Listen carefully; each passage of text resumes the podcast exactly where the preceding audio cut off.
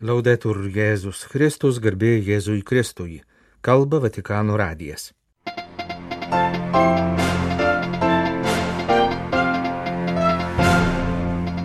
Rugsėjo 22-23 dienomis popiežius lankysis Marselyje. Popiežiaus vizitas liudyja apie jo ypatingą dėmesį viduržėmio jūros regiono problemoms, sako Marselio arkivyskupas. Pasaulio jaunimo dienose Lisabonoje dalyvaus pusantro tūkstančio jaunuolių su negale. Austrijoje skambėję bažnyčių varpai priminė, kad milijonai žmonių pasaulyje kenčia badą.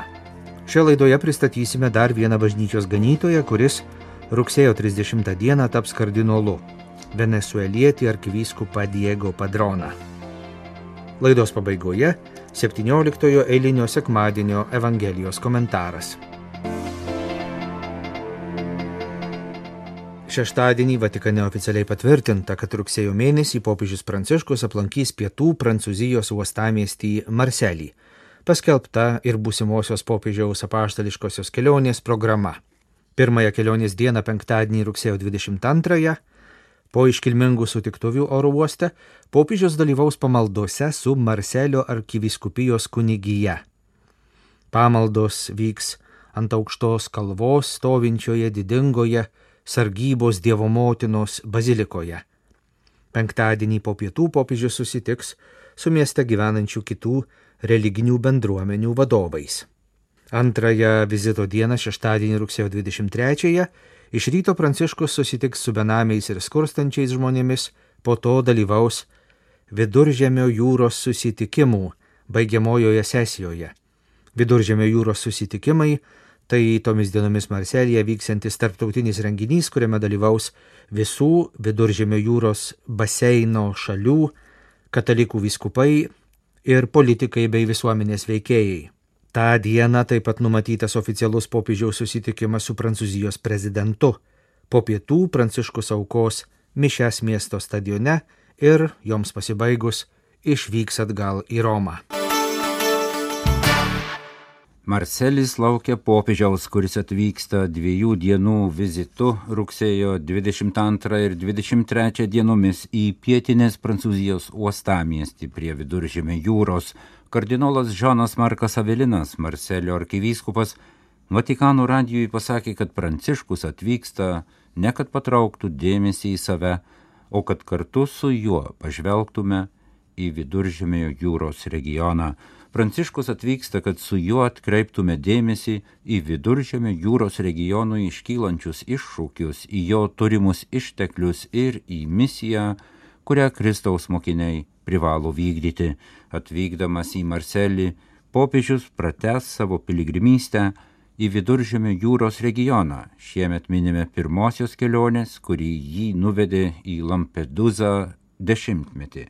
Nuo tada Pranciškus aplankė daug kitų regiono vietovių. Buvo Tiranoje, Sarajeve, Lesbo saloje, Kaire, Jeruzalėje, Kipre, Rabate, Neapolyje ir Maltoje.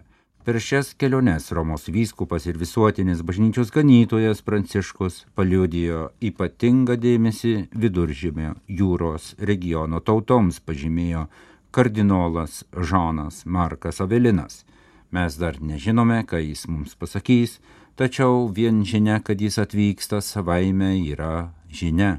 Marselis yra daugia kultūrinis ir įvairia religinis miestas, perspektyvus ir trykštantis energija. Antra vertus, jis kovoja su didžiuliais sunkumais - gyventojų nesaugumu, prekyba narkotikais, nedarbu, išsilavinimo stoka, sakė Marselio katalikų ganytojas iš anapus viduržėmio jūros, Alžyro kilęs, tačiau nuo paauglystės metų Marselyje gyvenantis arkivyskupas tvirtino, kad didysis viduržėmio jūros uostas Marselis nuo seno priimantis migrantus bėgančius nuo karų ir skurdo žino, kaip savo margoje populiacijoje atrasti drąsos ir vilties, be kurių neįmanoma įveikti sunkumų Brolybė yra tai, ką bažnyčia Marselyje nori pasiūlyti visiems. Mūsų svajonė ir viltis, kad viduržėmio jūra taptų ir garsėtų kaip brolybės jūra.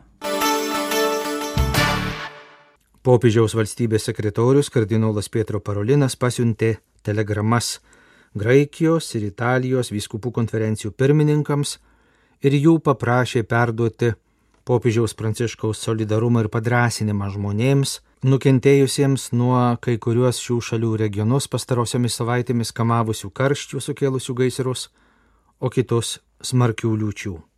Pastarieji reiškiniai rašoma telegramose liudyja apie būtinybę drąsiai ir išvalgiai stengtis įveikti klimato kaitos keliamus iššūkius, rimtai rūpintis mūsų bendrais namais.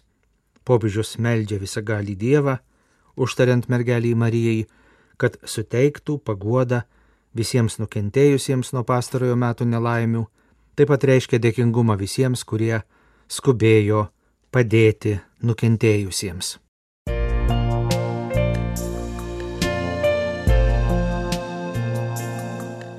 Jūs klausotės Vatikano radio.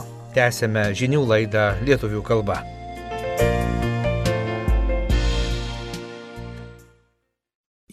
Pasaulio jaunimo dienas Lisabonoje užsiregistravo daugiau kaip pusantro tūkstančio neįgalių ar riboto judumo piligrimų iš įvairių pasaulio kraštų.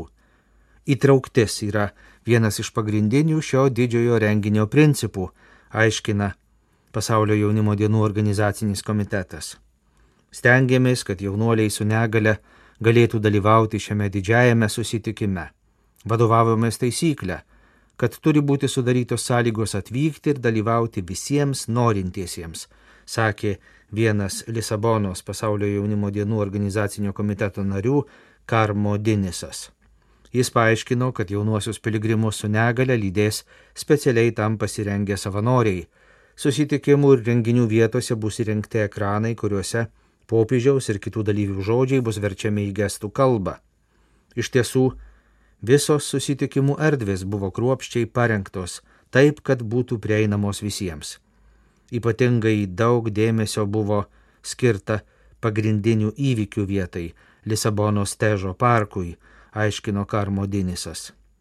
Jis pridūrė, kad pasaulio jaunimo dienų organizatoriai labai stengiasi, kad piligrimai su negale galėtų visuose susitikimuose dalyvauti be jokių apribojimų ir sunkumų, kad jie galėtų jaustis kaip visi kiti piligrimai.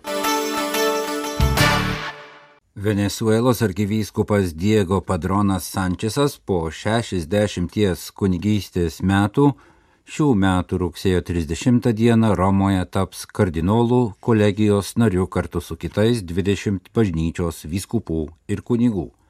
84 metų Diego Padronas, Kumanos arkivyskupas emeritas, dvi kadencijas buvęs Venezuelos vyskupų konferencijos pirmininkas, yra tarnavęs vyskupų trijose krašto vyskupijose, yra buvęs Venezuelos sostinės Karakaso vyskupas auxiliaras, Maturino vyskupas, o nuo 2002 iki 2018 metų jis ėjo Kumanos arkivyskupo pareigas popiežius jam ir dar dviem dvasininkams kardinolystę suteikė už jų neeilinę tarnystę bažnyčioje.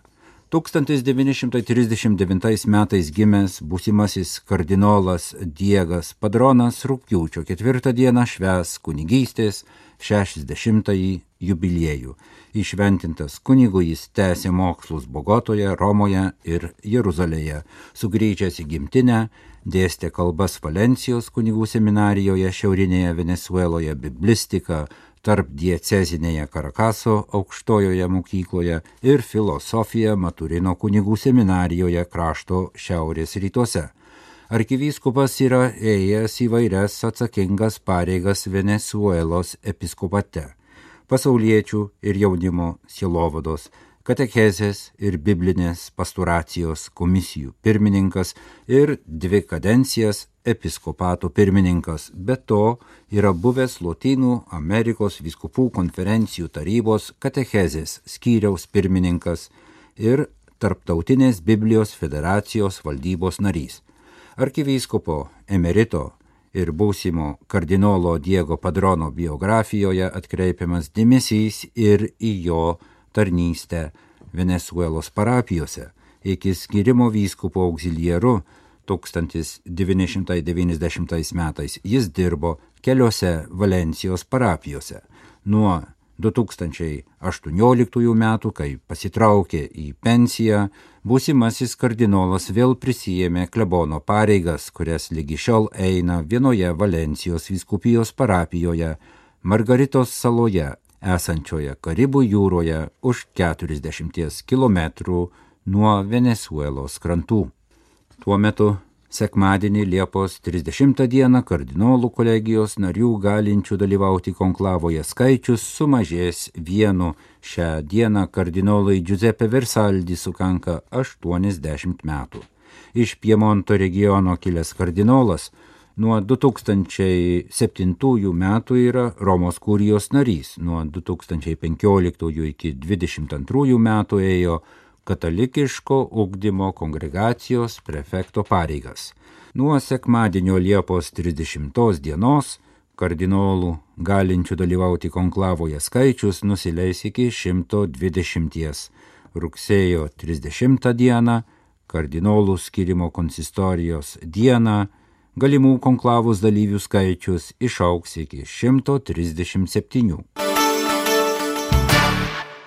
Austrijos bažnyčių varpų skambėjusių penktadienį 15 val. gaudesys priminė badą pasaulyje. 3000 varpų Kristaus mirties ant kryžiaus valandą sutartinai kvietė visus austrus atsakingiau elgtis su maistu, kad badas nepavirstų karo ginklu. Varpai penktadienį skambėjo penkias minutės, primindami, kad tūkstančiai žmonių kasdien miršta nuo bado ar jo pasiekmių. Katalikų viskupų konferencijos ir nacionalinio karito kampanija prieš badą pasaulyje surenkta jau penktąjį kartą skatino nedelsiant imtis priemonių prieš badą per tarptautinių solidarumo projektų finansavimą. Dramatiško karo Ukrainoje pasiekmės jaučiamos toli už Europos ribų, apsunkindamos bado situacijas. Pačiuose vargingiausiuose pasaulio kraštuose pažymėjo viskupų konferencija. Pasak Austrijos episkopato vadovo kardinolo Kristofo Šenborno, šiemet varpai skambėjo ne tik simboliškai, primindami Jėzaus mirties valandą, bet ir primindami žmonės, kurie kasdien miršta todėl, kad neturi ko pavalgyti. Tačiau taip neturi būti, pažymėjo kardinolas didelio tiražo nemokamam laikraščiui Hoite. Pasak jo, pasaulyje pagaminama tiek daug maisto, kad visi žmonės galėtų būti sotus, vis dėlto apie 830 milijonų žmonių. Tai yra kas dešimtas pasaulio gyventojas kenčia badą. Kardinolas priminė pagrindinės bado priežastis - klimato kaitą, sausras, kylančias kainas ir ginkluotus konfliktus. Bet ypač blogai, kad negalima tiekti milijonų tonų Ukrainos, Europos maitintojos grūdų kraštams, kuriems grūdai yra gyvybiškai svarbus. Šitaip badas paverčiamas karo ginklu, patikino Kristofas Šenbornas, Vienos arkivyskupas ir Austrijos viskupų konferencijos pirmininkas.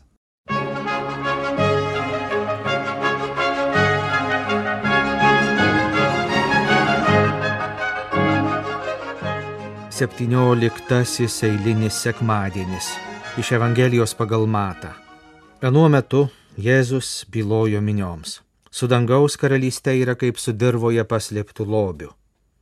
Atradęs į žmogus niekam nesako, Iš to džiaugsmo eina parduoda visą, ką turi ir perkasi tą dirbą. Vėl su dangaus karalystė yra kaip su pirkliu, ieškančių gražių perlų. Atradęs vieną brangų perlą, jis eina, parduoda visą, ką turi ir nusiperka jį. Skaitome Monsignor Rodolfo Grušo mums parengtą sekmadienio Evangelijos komentarą. Dievas paslėptas lobis. Abu šio sekmadienio Evangelijoje girdimus palyginimus apie dirvoje paslėptą lobį ir brangų perlą vienyje mintis apie atradimą. Lobis paprastai būdavo molinis indas pripildytas aukso ar sidabro monetų, kurį savininkai užkasdavo, kad karo ar svetimšalių invazijos atveju neprarastų savo nusavybės. Jėzaus laikais Palestinoje tai buvo įprasta todėl panašių radinių taikos metu pasitaikydavo netaip jau retai. Jėzaus pasakojime žmogus, atrandantis lobį, susiduria su juo atsitiktinai.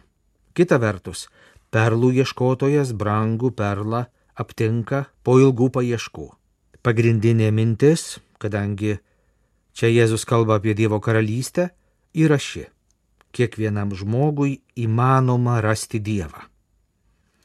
Dangaus karalystė yra tokia. Kai ją randi, nebegali jos palikti. Tas, kuris iš tiesų sutinka Dievą, niekada daugiau jo nepalieka. Dievas mūsų sieloje palieka savo pėdsaką, kurio neįmanoma pamiršti. Kas yra tas lobis, apie kurį kalba išganytojas? Tai Evangelija, geroji naujiena, kad Dievas yra meilė, tėvas, kuris myli mane savo vaiką ir kviečia mane mylėti kitą taip, kaip jis myli mane. Visi esame perlų ieškotojai, laimės ieškotojai ir mūsų širdys bus neramios, kol tos laimės nesurasime. Abu palyginime minimi vyrai daro kažką iš pažiūros beprotiško. Jie abu parduoda viską, kad gautų tai, ką surado. Tam tikrą prasme, Dievas yra skirtas tokiems tariamiems bepročiams, nes jis prašo, kad jam atiduotume visą save. Tik tas, kuris bus pasiryžęs viską pastatyti ant kortos, turės viską. Mūsų gyvenimas dažnai būna pripildytas tiek daugeliu dalykų, kad nesinori į tai gilintis, tikintis kiekybę pridengti kokybės stygių. Mes užpildome savo dienas rutina, tais darbais, kuriuos privalome padaryti, kad niekada nereikėtų susimastyti, kas esame. Kažin, kiek krikščionių gyvenime yra aistros ieškoti tikrojo paslėpto lobio. Kartais susidaro įspūdis, kad visur yra tik paviršutiniškumas, įprotis ir nuovargis. Vargiai mus būtų galima pavadinti aistringais Dievo karalystės ieškotojais. Nepanašu, kad ieškome paslėpto lobio ir stengiamės paliudyti naują, kitokį gyvenimo būdą. Tas lobis tai gyvenimo būdas, mąstymo būdas, santykis su kitais, laikantis Jėzaus iš Nazareto stiliaus. Evangelija apie tai kalba nedviprasmiškai. Krikščioniškasis gyvenimas yra gražus nuotykis, o ne vien formalus kodeksų įstatymų laikymasis, kad būtume taikoje su savo sąžinė ir nusipelnytume rojų.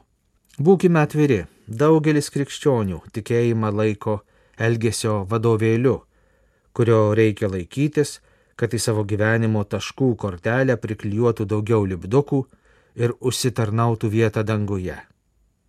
Laimiai krikščioniškas gyvenimas nėra toks, nes tai būtų iš ties liūdna.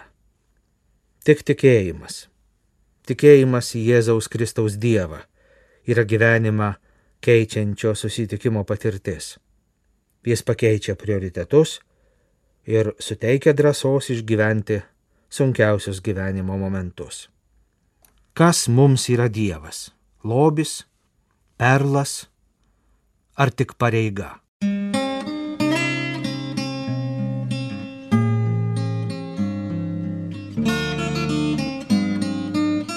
Kalba Vatikanų radijas. Laidą lietuvių kalba baigėme. Garbėjai Jėzui Kristui, laudetur Jėzus Kristus.